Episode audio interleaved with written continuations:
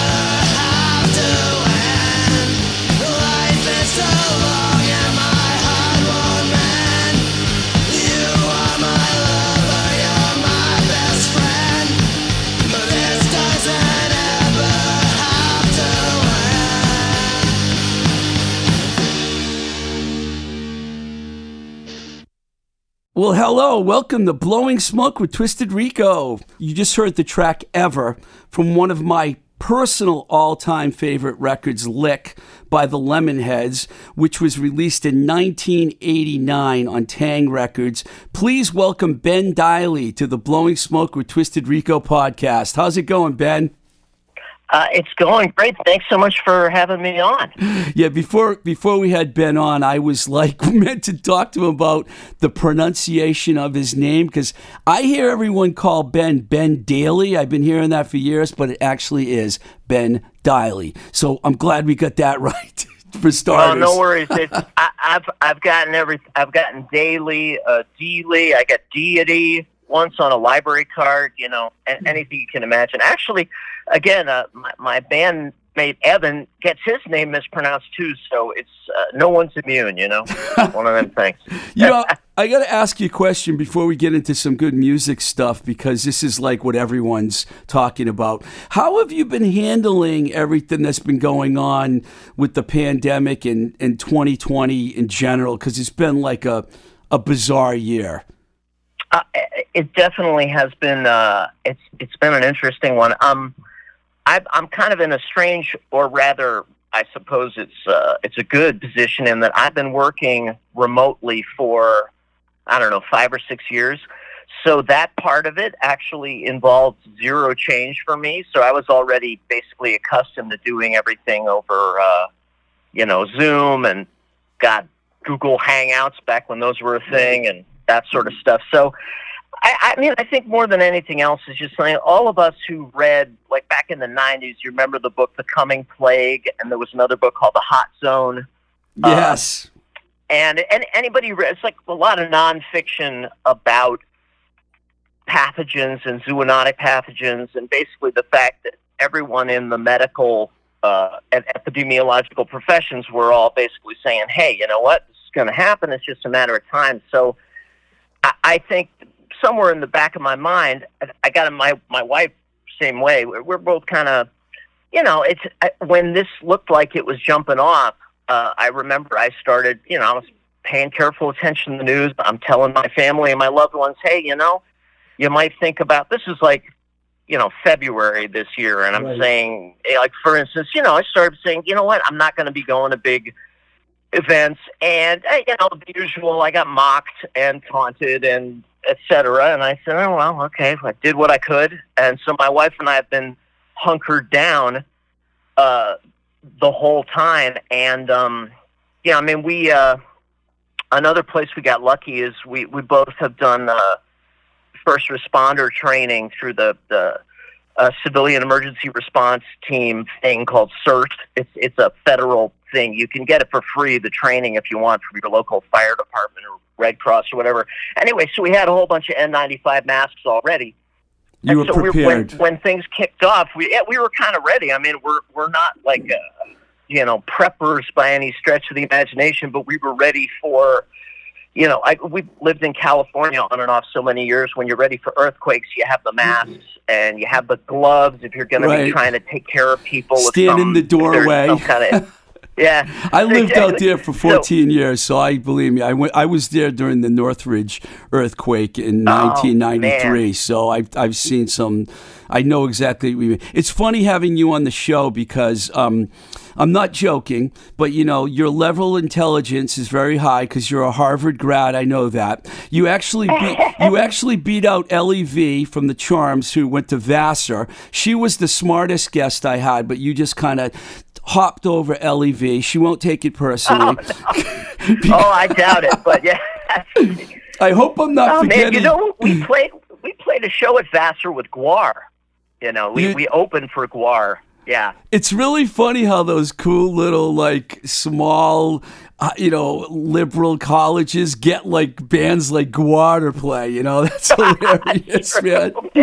I was I don't living think in, they get away with it today, but you know, back yeah, then, you know. Yeah, Carnegie Mellon. You know, I when I lived in Pittsburgh, they always had really interesting, heavy punk, hardcore bands, and I was like, wow, you know, it's just they've got the budget too. You know, the colleges, so you know that kind of makes yeah, sense. But yeah. I, I just had to throw that little Harvard I want to talk about uh-huh. Harvard later, but I figured I'd get it in early. Um, so did you have you listened to a lot of music and like what what did you do when you weren't you know because we are kind of locked down and what was your lockdown secret? Well, I mean, uh, the, the truth of the matter is, I I, I work constantly, so I I I kind of looked with a little bit of jealousy at all my friends who were talking about, oh, I'm binge watching this, I'm binge watching that, and how are you passing the time? And I'm like, are you freaking kidding? Like, I, I mean, I work like, you know, eight plus hours a day, more or less every day. I mean, sometimes wow. including weekends, and I have for years. So I, I didn't really. That was the weird thing was besides uh, besides really upping our protocols in terms of you know uh, spray. You know, you get a little bottle of that seventy percent isopropyl alcohol. You, you put in a little spray bottle, spray it on your hands, spray it on whatever you gotta. You know, when you come and go, you you can sanitize your hands. You obviously wash them. You don't touch your face. You wear the mask. So besides that, I, I it's weird. I, I got to admit, not an awful lot changed uh, in my daily routine. So I don't know if that's good or bad. Yeah, you, you're very good. You're not. You're not. I know you're not in the medical profession, but you just gave us like a Fauci, a Fauci type update there. That was really good. I like that. It's, I tell you though, that's like from from day one, and that's that's my wife again, uh, Lisa, who who's uh, you know our the bass player uh, with me and, in Oh, yeah, I know Lisa. Dragon. Yeah. She uh, she uh, really kind of figured out from the beginning a few little simple things that we could do to make them make into habits uh, that Right. have, that have kind of helped us keep going. So yeah, it's I think in terms of uh, passing the time. I, I am always really, really hopeful that I'm going to end up with a few minutes here or there to, you know, mess around on, you know, play guitar for a few minutes or do something uh, other than, you know, working for a living. So it's it's been, I've been very, very lucky in that I've been employed the whole time. That's Uh, I that's actually great, man. started a new job on Monday, so yeah, so it's it's uh it's kept me busy. Um, but yeah, I mean, I, I whenever I have spare time, I'm basically yelling and screaming to anyone who will listen to take this seriously. I, I'm with you right there, it hasn't man. worked, but Yeah, I- I'm I'm with you though, man. I am like totally like right now. I'm all alone in, in this room, you know. And when we're when we walk around the building or whatever here, we're wearing masks. We're like being as, as safe as you could possibly be. But um, can we go all the way back to 1986 for a few minutes here? No problem. It was a great. I'd rather be an '86, all things considered. So yeah. So, so you and Evan Dando and some famous director. I'm talking about talking about Jesse Peretz, who anyone that knows, Yeah. uh, Girls, uh, Orange is the New Black. He's he's directed a bunch of shows. The three of you guys formed the band and were later joined by Doug. I hope I can pronounce his name right. Trachten. It's it's Trachten, yeah. And Trachten. actually, you got to go back a little further because Evan and I started the band, just the two of us, in about '85. Okay, Um, tell tell me about that. Tell me all about that. Yeah. Well, I mean, we were, uh, I guess we're what juniors in high school, and we're um, there was a drum kit in the high school that that belonged to the jazz band, and they stored it underneath uh, some stairs in this really this tiny, weird looking room. And we would go in there during lunch break or whatever, and one of us would play the drums, the other one would play guitar, and we'd switch back and forth. And so uh, I'd play guitar and sing on my songs that I'd written. Evan would play guitar and sing on the songs he'd written. Whoever wasn't singing would play drums, and made a lot of noise, pissed off the uh, the janitor Mike, who was an awesome guy. He was he was very patient with us, but uh, we did that for a while. We recorded a demo tape, actually. I think with two songs. I think they were both my songs. Yeah, and they were terrible. And that that tape was like we did it on a four track, and that's lost uh, to time. Though I do still have, I think I have the little card that went with the cassette. I have a scan of that somewhere. Um, but anyway, so we we were doing that, dicking around with that for a while, and uh, you know, I go over to his. I mean, we we had been kind of best buddies for for years. What and kind of neighborhood are we talking? Together. What neighborhood are we talking about? Like, where'd you go to high oh, school? this is yeah, this is weirdness. This is a strange uh, school uh, at the corner of Com Ave and Dartmouth called the Commonwealth School, Right. and it was founded by Charles Merrill, the the, the Merrill Lynch type guy, wow. or rather the son of the son of Charlie Merrill, the Merrill Lynch guy. And so this guy again had a lot of money. He decided he wanted to found a school, basically make sure that almost everyone there was on scholarship and pluck people from various kinds of urban schools and put them in this place where he figured he'd give people, you know, a, a kind of a shot at at uh, at better. I don't know what like like really rigorous educational standards. I mean, it was pretty brutal. Like I, I walked in that place, I had really never done homework, and like the first day freshman year, I'm doing like five six hours of homework a night. So that that kind of sucked. But uh, it was it was it was an interesting place. I but tell it you was you They and Evan Dando. That's really funny. yeah, and uh, you know, and so so Evan lived. Uh, Evan's mom had a, a place on Beacon Street, and I lived in Cambridge. So, you know, I'd either I'd take in the, the subway uh, eventually we got this crappy van that I inherited, which became the Lemonheads tour van, and I used to drive that at like parking in those alleys in the back bay. Right. Like if you if you if you're sneaky, you can get away with it. So, um, but anyway, yeah. So so there we were. We're two of us, and as I always say, Congress had not yet passed the historic White Stripes Act that legalizes two-person bands. So we figured we got to have a drummer. So we uh, we found actually, know what? We were like, we don't need a drummer. We're drummers, both of us. So we need a bass player. So we looked for the one guy we knew who actually owned a bass, and that was Jesse. Because he was in jazz band, and we knew he owned a bass. He went to the same high school. Rock. Yeah, yeah. No, no, that's where all this started. That's yeah, cool. This all. Yeah, like I mean, so uh, we said, hey, you know, want you to play bass with us. So he sort of, I mean, he was playing jazz then, but you know, our songs were not exactly tough to master. So he played bass, and um, we uh, then all of a sudden we're a trio with the drummer and guitar player switching every couple songs. Um, and that's how we played our first. That's how we did our first bunch of recordings. That's how we recorded half of the first album. Hate that's Your how Friends. we did our first shows. Yeah. Right. So um, Well, I know on And the, that I- was- yeah. I, I know on the credits it says that you played drums on some songs and Evan played drums on some songs. Did you guys meet Curtis Casella from Taang! Records during that time? Like, how did that escalate to where you ended up getting to the point where you were made that made their Hate Your Friends record?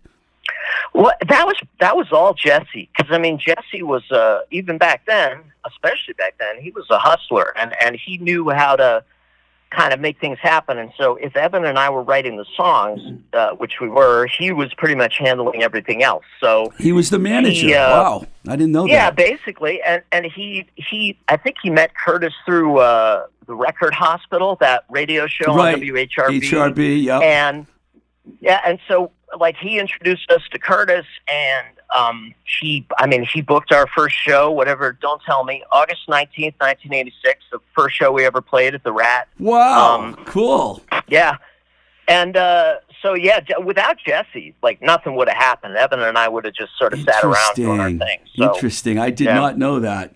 Uh, I was in California in 1986, so I missed that show. But I did. You guys immediately had a buzz going.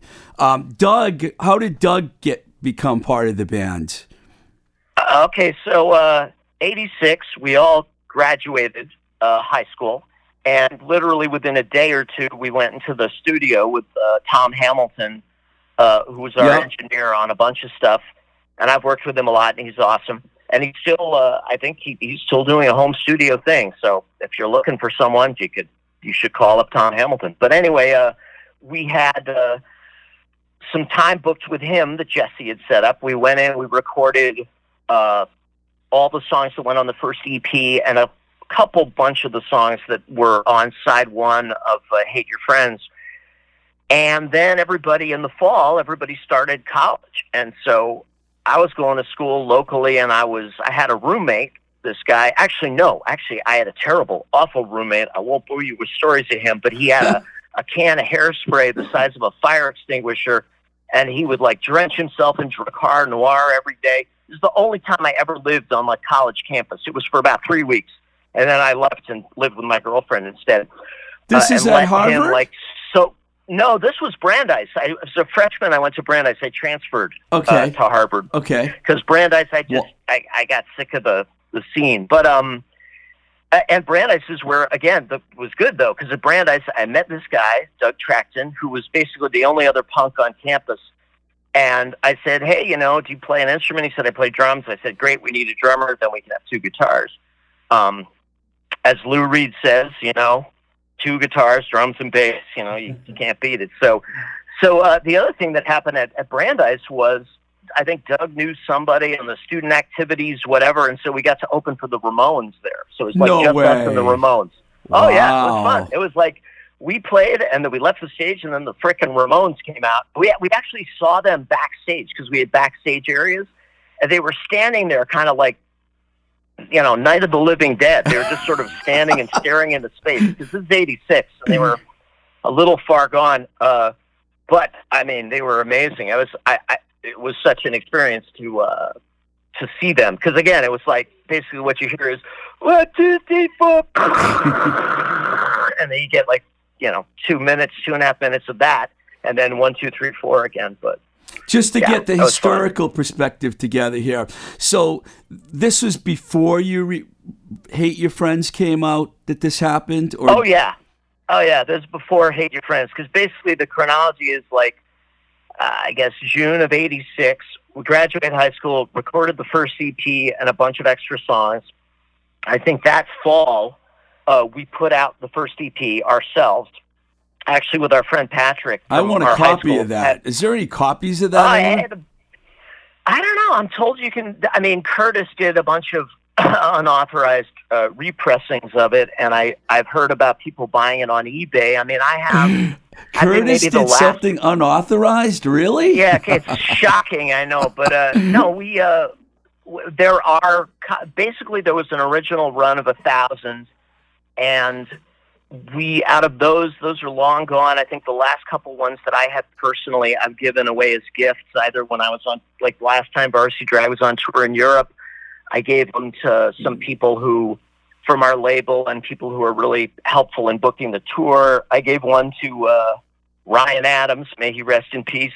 Uh, so like they Wow. they've all I don't have I might have one left uh, somewhere, but yeah, I think they're really hard to find. Yeah, they, yeah Um, I'm sure they are. So, so And so then that yeah, then Hate Your Friends came out the following summer. Uh, so that'd be summer of '87, I think, is when Hate Your Friends came out. And then, uh, which was a great record, and then Creator, which I believe, Yeah. I, I think you you wrote most of the Creator. You wrote, you and Evan wrote together on the first album, but on the second record, didn't you write most of the album?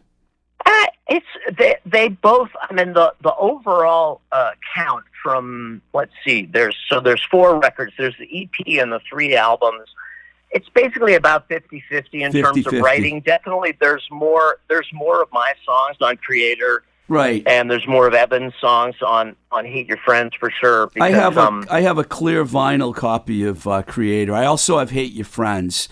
My Lick record, did, which we're going to talk about in a minute. I don't know what happened to it. It disappeared. But John Oh, man. Strohm, I hope I'm pronouncing his name right. John Strohm Yeah, from the Blake Strohm, Babies. but close, I Strohm think, yeah. from the Blake Babies actually joined up with you guys for the Creator record. Correct? Yeah, we um basically the you know once Doug joined up, suddenly we had two guitar players and and Evan and I could both trade off singing and doing harmonies. So we recorded a few more songs, and so "Hate Your Friends" is basically those first trio sessions plus a bunch of stuff we did with Doug, Okay. Yeah. and then. Doug Doug moved on at a certain point in there. You know how it is with, with drummers. Doug is uh I mean he he got a PhD in ethnomusicology and he became a Buddhist monk.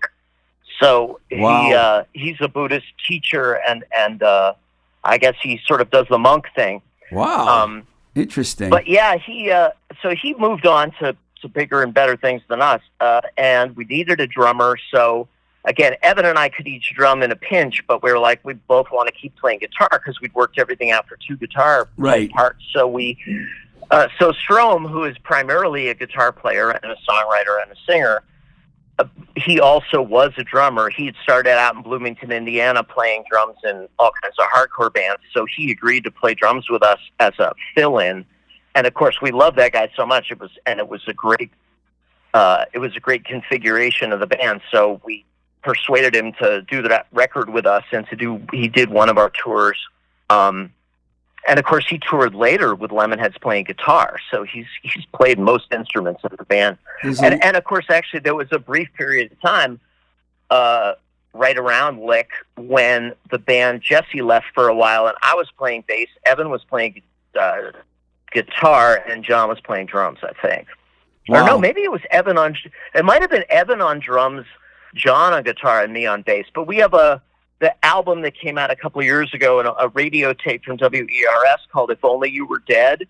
That is of that's a recording of a radio session we did on ERS live, where I'm playing bass, Uh, and I think Evan's playing drums. You guys were truly an interchangeable band. uh, let me. I got to ask you this. I've got to ask you about this. Creator has Yeah. some interesting covers on it, including the Kiss cover of Plaster Caster. But that's not the cover I want to ask you about. You guys covered a Charles Manson song.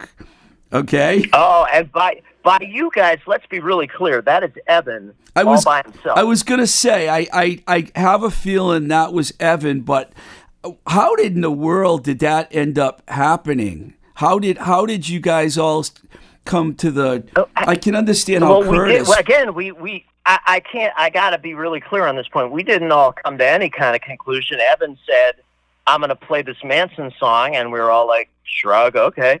I mean, it was him. Actually, he's playing a nylon string guitar that belonged to my mom. Uh, and uh, yeah, so he. I mean, Evan at the time, actually, and for some years afterwards, just had a Manson obsession. I mean, we, he and I used to rent this or watch this this Manson documentary from the local video store, uh, and he was very very preoccupied for a while there with everything having to do with the Manson family, and he got a copy of that bootleg album. I think they call it Lie, which is the basically the Manson album right. that he recorded, and he listened to a lot of songs off it, and and the songs both on Lick and on uh, Creator, and actually on his songs on there's songs of his on Lovey and albums after that too, which have snippets of Manson lyrics in it. So that like Clang Bang Clang with the Big Iron Door, that's from a Manson song. That is him. The, I- the whole lyric is they put me in a cell with a concrete floor. I Uh, didn't think for so- one minute, by the way, that you had anything to do with the Oh, Manson yeah. song. I knew it was Well- Dando, but I just Evan Dando, but I wanted to ask about Yeah. it because you're you're you're still part of the project, and I was wondering if there was any. I don't know. Was there negative feedback from that? Because I don't remember. I was Uh, working for a label not myself. really. You know. it was it was a it was a different in in our little tribe in our little corner of the i mean back that's before you know nowadays microculture has taken over to the point where like if you got you know seven people uh, they can all be into something but back then the the groups of microcultures were much bigger so i mean in the world of kind of well, whatever you'd call it, uh, indie rock, alternative rock, college rock, because this is all pre-Nirvana.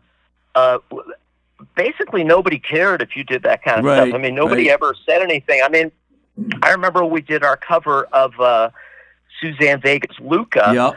which is pretty much my fault because when we were on tour, I was noodling on it. I kept realizing that you could play it with a drone, like a like a, a Husker Du song, and so uh, if you play like an A and a B with the drone, and go to E, you you, you realize you're playing Luka.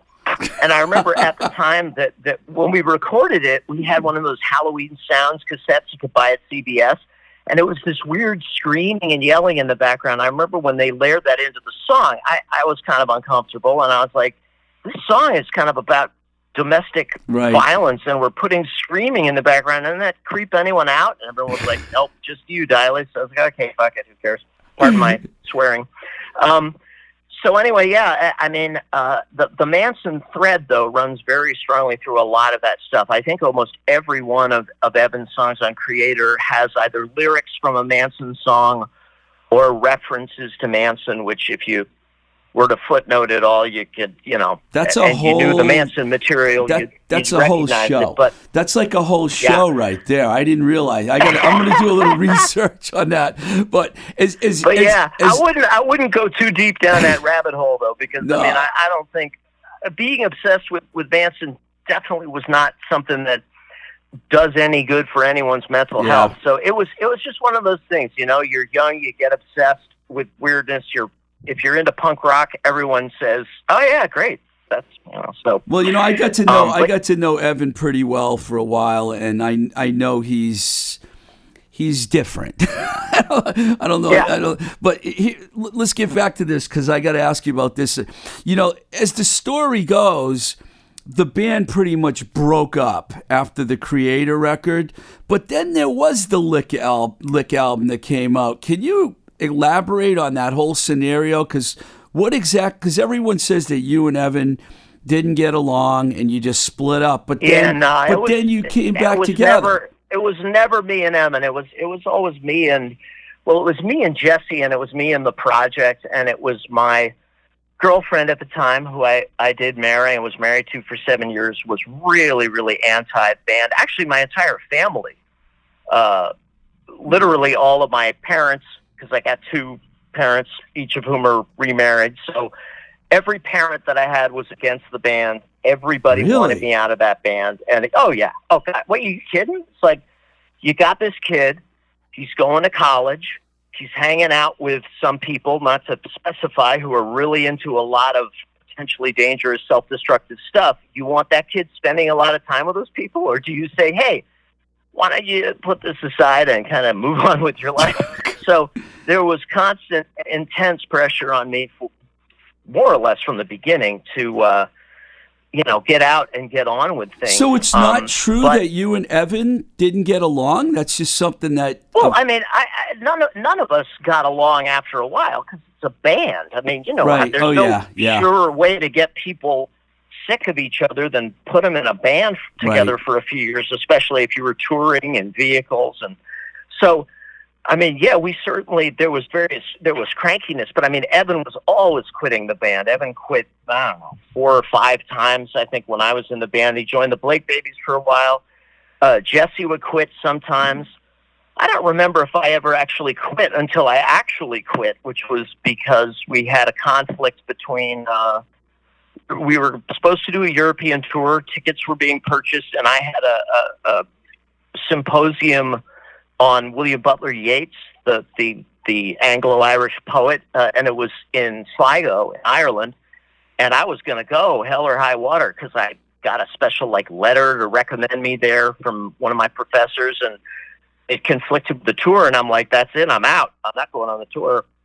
Um, and then once they got back from the tour, and I, it was we cemented that uh, you know I wasn't going to be playing with a band anymore. But again, by then I had I transferred to another school, and I was trying very hard to be serious about my my you know quote unquote academic career. And again, I had a significant other in my life who, yeah, I mean, she threw Evan out of the house because Evan and I had lived together for years, and she just got sick of his particular brand of, of shenanigans and his lifestyle and threw him out. So, you know, You're that, very that was politi- definitely a wedge. I like I like how you politically correctly uh, describe some of these things. It's great.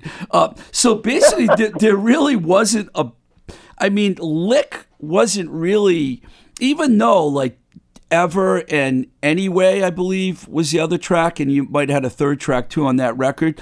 It wasn't really a band at that time that you were in when the Lick record came out, was it?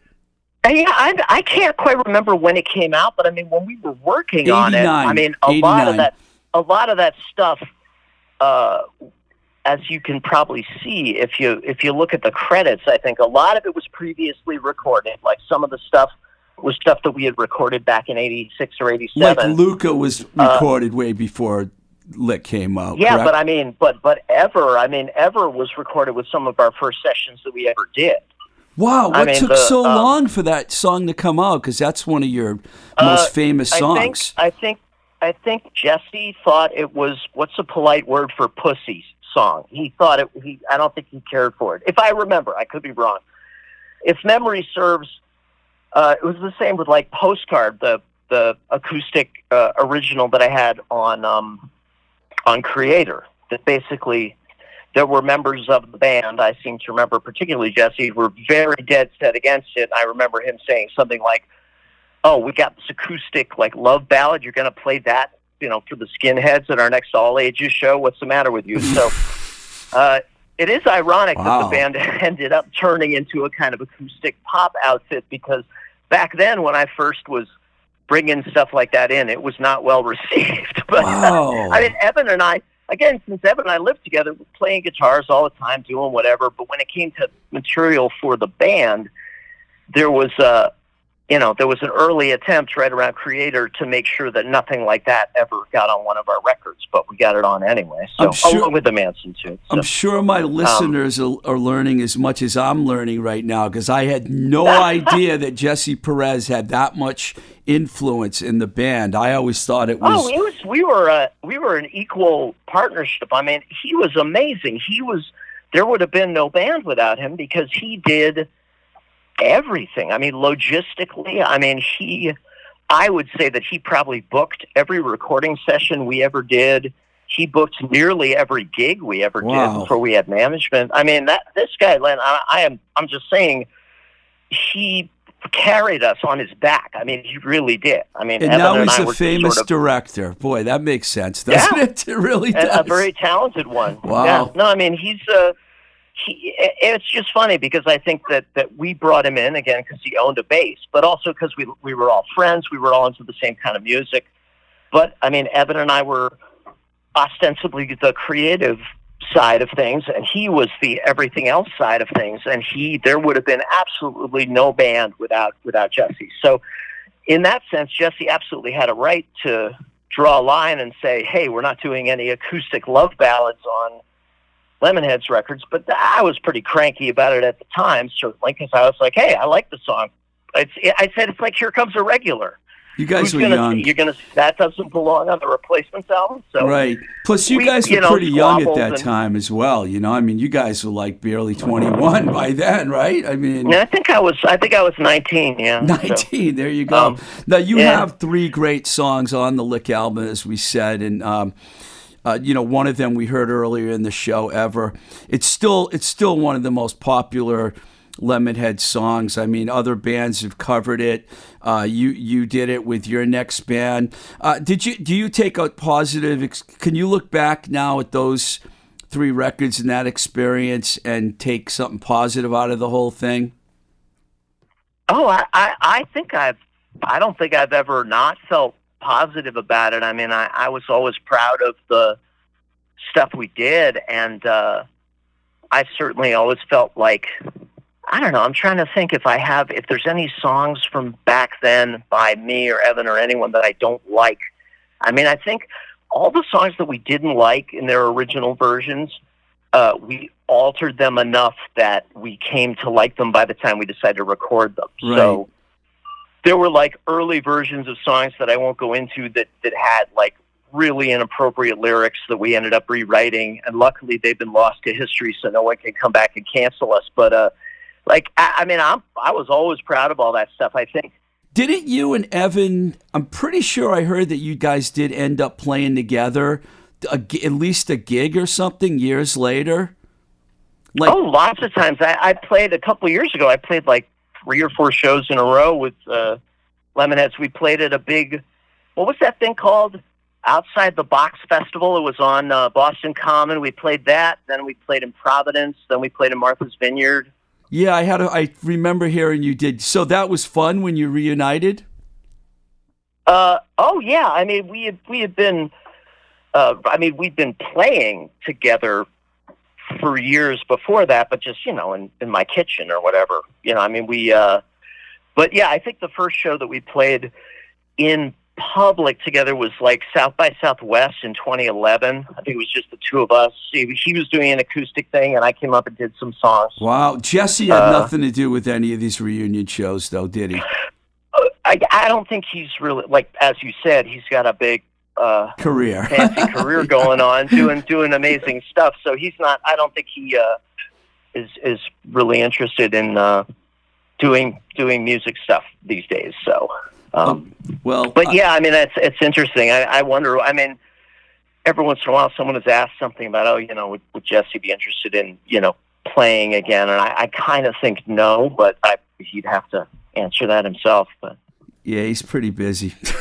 um, you Exactly. you graduated from Harvard, which is no small task, by the way.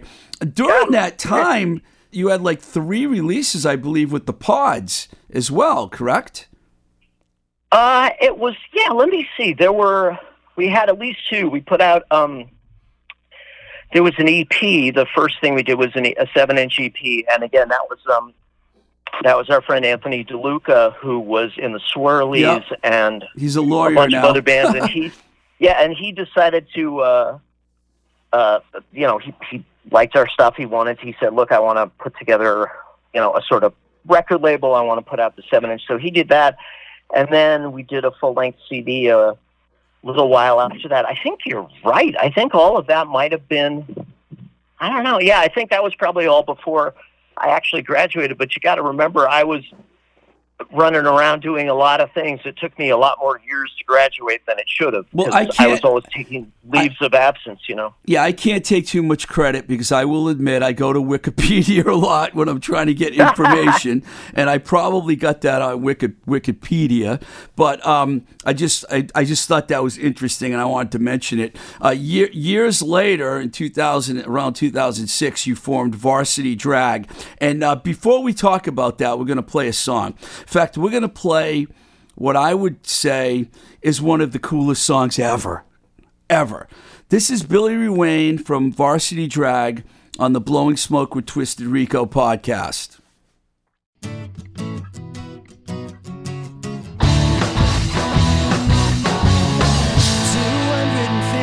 cc's rolling down Mass Avenue.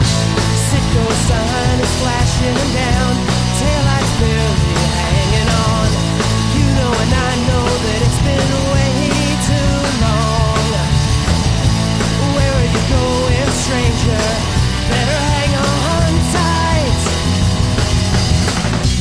know the dance is never ending. You wanna see your friends tonight. That suit my need a cleaning,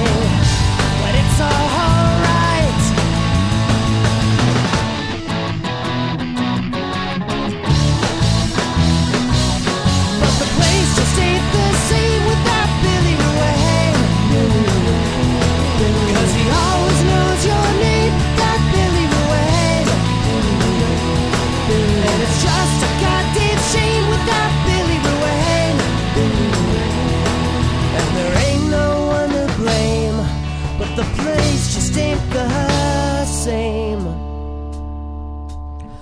Dancing around in Kenmore Square, down on Lansdowne every night, staggering out of TTs underneath a thousand stars.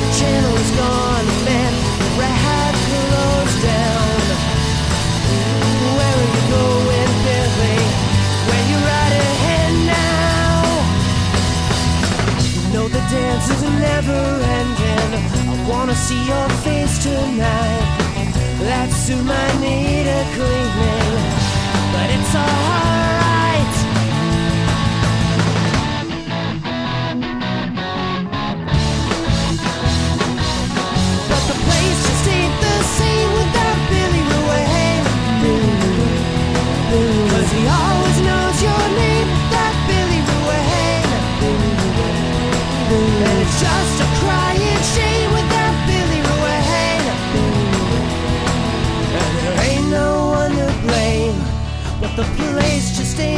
Same. Keep it loud, keep it raw. The best dressed drunk I ever saw.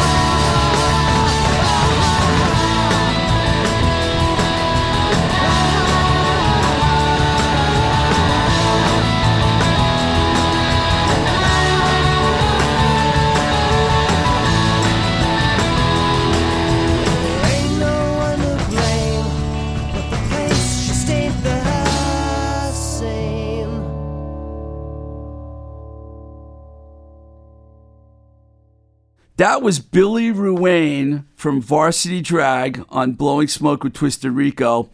I just absolutely love that tune, and it has taken on a whole new meaning since we lost our friend, Mr. Ruane, who I was good friends with.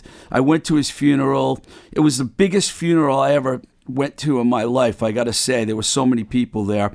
Can you tell Yeah. us, Ben, how that song all came about because it's become really bigger i think is since billy passed away tell us how you about when you wrote it how you wrote it the whole story behind it Sure, I, I, I'd love to. I mean, uh, basically, to you know, to find the beginnings of Varsity Drag, you actually got to go back a few years before we managed to get it together to to, or rather, our label in the UK, God bless them, Boss Tunage, put out the the first record.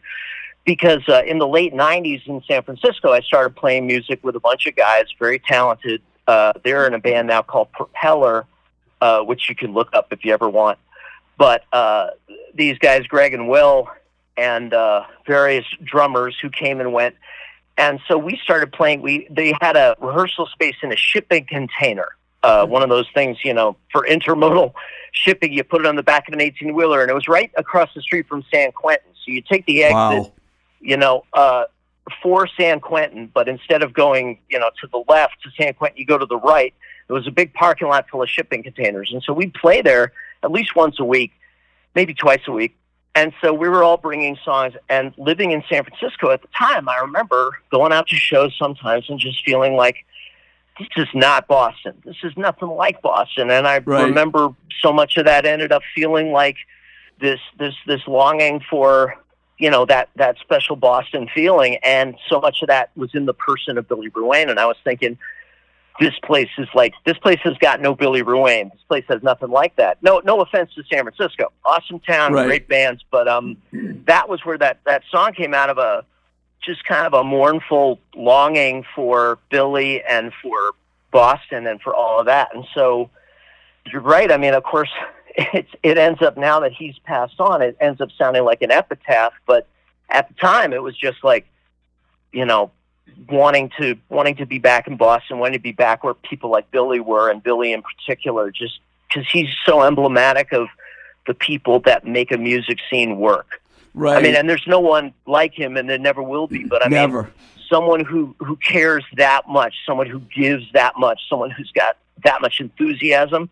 Uh, you know, it, it's just there's nothing like it, and and so it, that's that's where that song came from. I love the Um, bridge, man, at the end of the song. I mean, the song is brilliant, and then you have the bridge, man. It's just so, Oh, thank you, so. man. I'm gonna say That's it's so kind. fucking cool. I don't usually use the F word, but I have to this time. Um, and I and I watched that. Uh, thankfully, there's a video of you guys doing it at church in Boston on YouTube. Oh yeah. Yeah, I'm going to talk about your YouTube page before we let you go here. So um, I know you're pretty entrenched right now in your career. I guess you're in advertising. Is that what you're in there? Yeah, yeah. I'm a, I'm a, I'm a, um, ostensibly I'm a creative director. I'm my primary thing that I do is is copywriting, kind of ideas and concepts and writing versus like art direction, which is the other, the other side of uh, the creative thing that we do. Right. But yeah, I've been doing. It was kind of it was the job that I, for some reason, I got this idea in my head when I was like a kid that I thought, okay, I, I'd like to be in advertising, and so when I actually managed to to land a job by just like dumb luck, uh, whenever it was a zillion years ago, I, I found that I really did love it, and I've just stuck with it. I mean, every once in a while, I think about doing something else, and uh, I'll take a break from from the industry for a little while, and I always end up coming back just because it's Are you? just it's really interesting. you Well, know? you know, I didn't ask you this at all. I don't even know. Do you even still live in the in Massachusetts? Are you still in the Boston area? I, I I am I am uh, we we maintain a uh, a permanent uh, footprint uh, in in the Boston area, and and actually I am currently in Massachusetts. Uh, in an undisclosed location, uh, but but yeah, we we are. I mean, we're kind of we've been we move around, or we, we sometimes we, we definitely have spent like the last bunch of years we uh, spent a bunch of time uh, in Hollywood. We were living there for, for a bunch of years. And, and Lisa and I previously lived in Cripes like 10, 15 years ago. We lived in Burbank, uh, home of the Tonight Show. I lived in Uh, Encino. but- I lived in Encino, which is not too far from Burbank or or Hollywood. yeah, I you know know? where that. Yeah. There's, I, I tell you what, again, LA, uh, great, great place for bands. And even though obviously, like everywhere, the venues have been vanishing the last few years, there are still a lot of great places, a lot of great weird, like Yeah. all ages spaces and, and real like nightclubs and stuff. But, um, I miss yeah, LA. we, uh, I do. I miss it. oh yeah, Um, I know. It's, it's, I mean, yeah. Go ahead. It's a beautiful place. Yeah, just a couple more things. I know you released a single and an unbelievably cool video for the song "The Night" in Oh, it's a great time. 2017, which totally, I totally loved it, man. Are you gonna? Do you have? Are you gonna do anything else musically? I have to ask that question. Oh, I mean, yeah, I mean, here's here's again, here's the candid story: is that you know we there's been I mean, uh, Evan and I have been talking years and years about doing doing some we're you know because we would get together, we'll play play guitars. We say, yeah, let's let's uh, let's do another record, but a million things always end up conspiring to make it not happen. And I mean, I wrote when when Ryan Adams uh, whenever the hell it was, five, seven years ago or something. I, I my memory ain't what it. Actually, my memory was never anything. It's always been terrible. But anyway, this guy Ryan Adams was said, you know, hey, let's. I want to produce a new Lemonheads record. I want Ben. I want Evan. I want Juliana Hatfield. So we all went to L.A. and went to his studio, Paxam, and he was playing drums. And we tried to anyway. In as pre-production for that, I made wrote a whole bunch of songs uh, and recorded demos, sent them to Ryan, sent them to everyone else, and we actually recorded one of them. It's on a shelf, presumably, in his thing. Uh, but yeah, I mean, the, basically, those songs in one form or another have been sitting around, kind of waiting to happen, and you know, it's just that's probably not going to happen. So uh, eventually, I'm gonna, I'm, I'm, I'm gonna probably just do my own versions of them and release them. Uh, I mean, bad. Juliana, that's all the that's stuff like a dream thing right there. Juliana Hatfield, That- Evan Dando, and you together with Ryan Adams. Come on, man. They gotta. You gotta find a way to put that out, man. Uh, so, well, hey, it's it's it's in it's in his hands. I mean, it it it, it potentially could have been something very interesting. But I mean, Juliana wrote some amazing songs for those sessions, and almost all of those ended up on her uh, on the Juliana Hatfield three uh, record reunion record that they did a couple years ago. So She puts a Um, record out every year. I mean, Yeah, she's, she's un- awesome like that. unbelievable, unbelievable, man. No, I mean it's so so talented and and very thoughtful about how to, you know, pre-fund something and get it so that it's actually going to come out. And and again, she has a great fan base and she takes care of them. So, but yeah, I mean, I have a I have a lot of songs, and that song you were talking about, the night, was just one of my favorite bands of all time is the Blue Nile from Scotland. Oh, yeah, yeah. And so and and so I always wanted to do a song that sounded like that. And so you know sitting in my place in LA, working from home, uh, had a little time on my hands, so I tried to figure out how to. I mean, I, I can't work gear, I can't work synthesizers, I don't know how to do any of that stuff. My brother Jono's the the expert, so I just sort of cobbled together this thing, and I just tried to create this Blue Nile kind of mood. And then I was like, well, no one will watch anything or listen to it unless it has visuals. So I just did a, all one take of me walking around the apartment, lip syncing the thing, and, and I threw it up on the internet. And, uh, Fantastic. it's very, you're very generous to say so. That's, uh, well, I I, want mean, I think, Go ahead. I'm sorry. I mean, I'd love to do, I, no, I was going to say, I'd love to do more stuff like that. I mean, always, even back in, uh, I mean, it's funny, my tastes don't tend to change that much. Like, love synth pop in the 80s, love synth pop when I was doing Lemonheads, uh, still do. And, and I keep thinking I got to make a record like that if I can figure out how to make the keyboards work. Um, I can't wait. because I a can't lot wait of you know, for like it, a lot of the a lot of the songs, uh, songs like Second Chance, the Lemonhead song. I mean, that was written on a piano. I mean, that was I have versions of some of those songs done that where they sound like Depeche Mode or something. Uh, so, like back then, It's funny you Uh, bring so- that so- song up because I have that in my last paragraph here because I want to plug I want to plug your YouTube page which has some fantastic stuff on it and it, including great live videos including the performance of Billy Ruane and even some Lemonhead classics redone by Varsity Drag like Second Chance. I actually had that here. Uh, the page is called um, Du- It it's and yeah, dumb. Dubitanda, like d- that's right. That's why no one will find it. Uh, de omnibus dubitandum est. Uh, it, it it means everything must be doubted.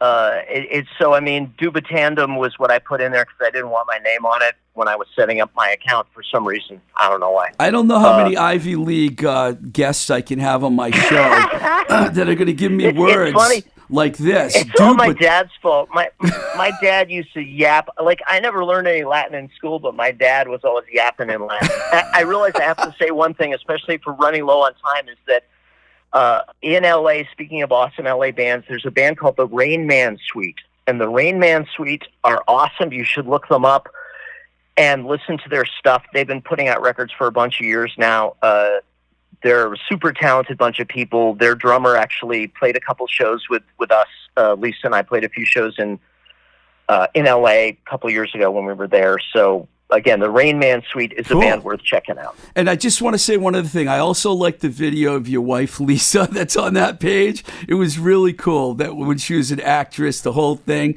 very just really cool stuff on. Oh, that's right. I forgot about that. That's awesome. You know, she's she's a uh, she's writing now a lot, and uh, this year I don't know if you, there's there's something they do every year called the Boston Theater Marathon, and she had a play selected for it, and they performed it. And obviously, they had to do it over Zoom rather than on a stage.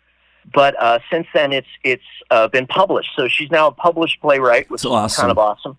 And um, she's working on all kinds of stuff now. She's got one wacky play set in the 1790s that's uh, in New England. That's about a real place called uh, Pest Island, and she's got she's she's always got amazing ideas. I don't know what's the, where they come from, but she's uh, she's out there slugging. So Well, hey, man, thank you very much, Ben, for coming on the show.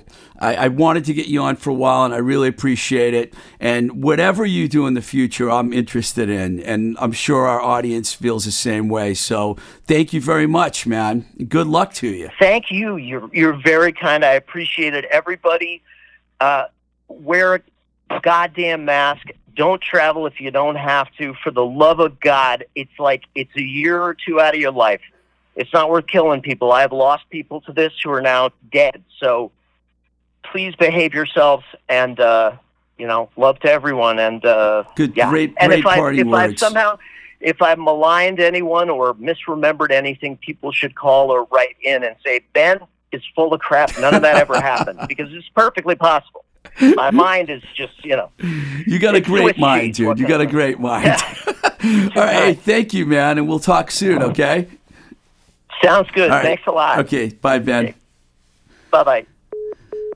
Wow, that was something. Okay, so next week, it's going to be hard to top, but we'll, we're going to try.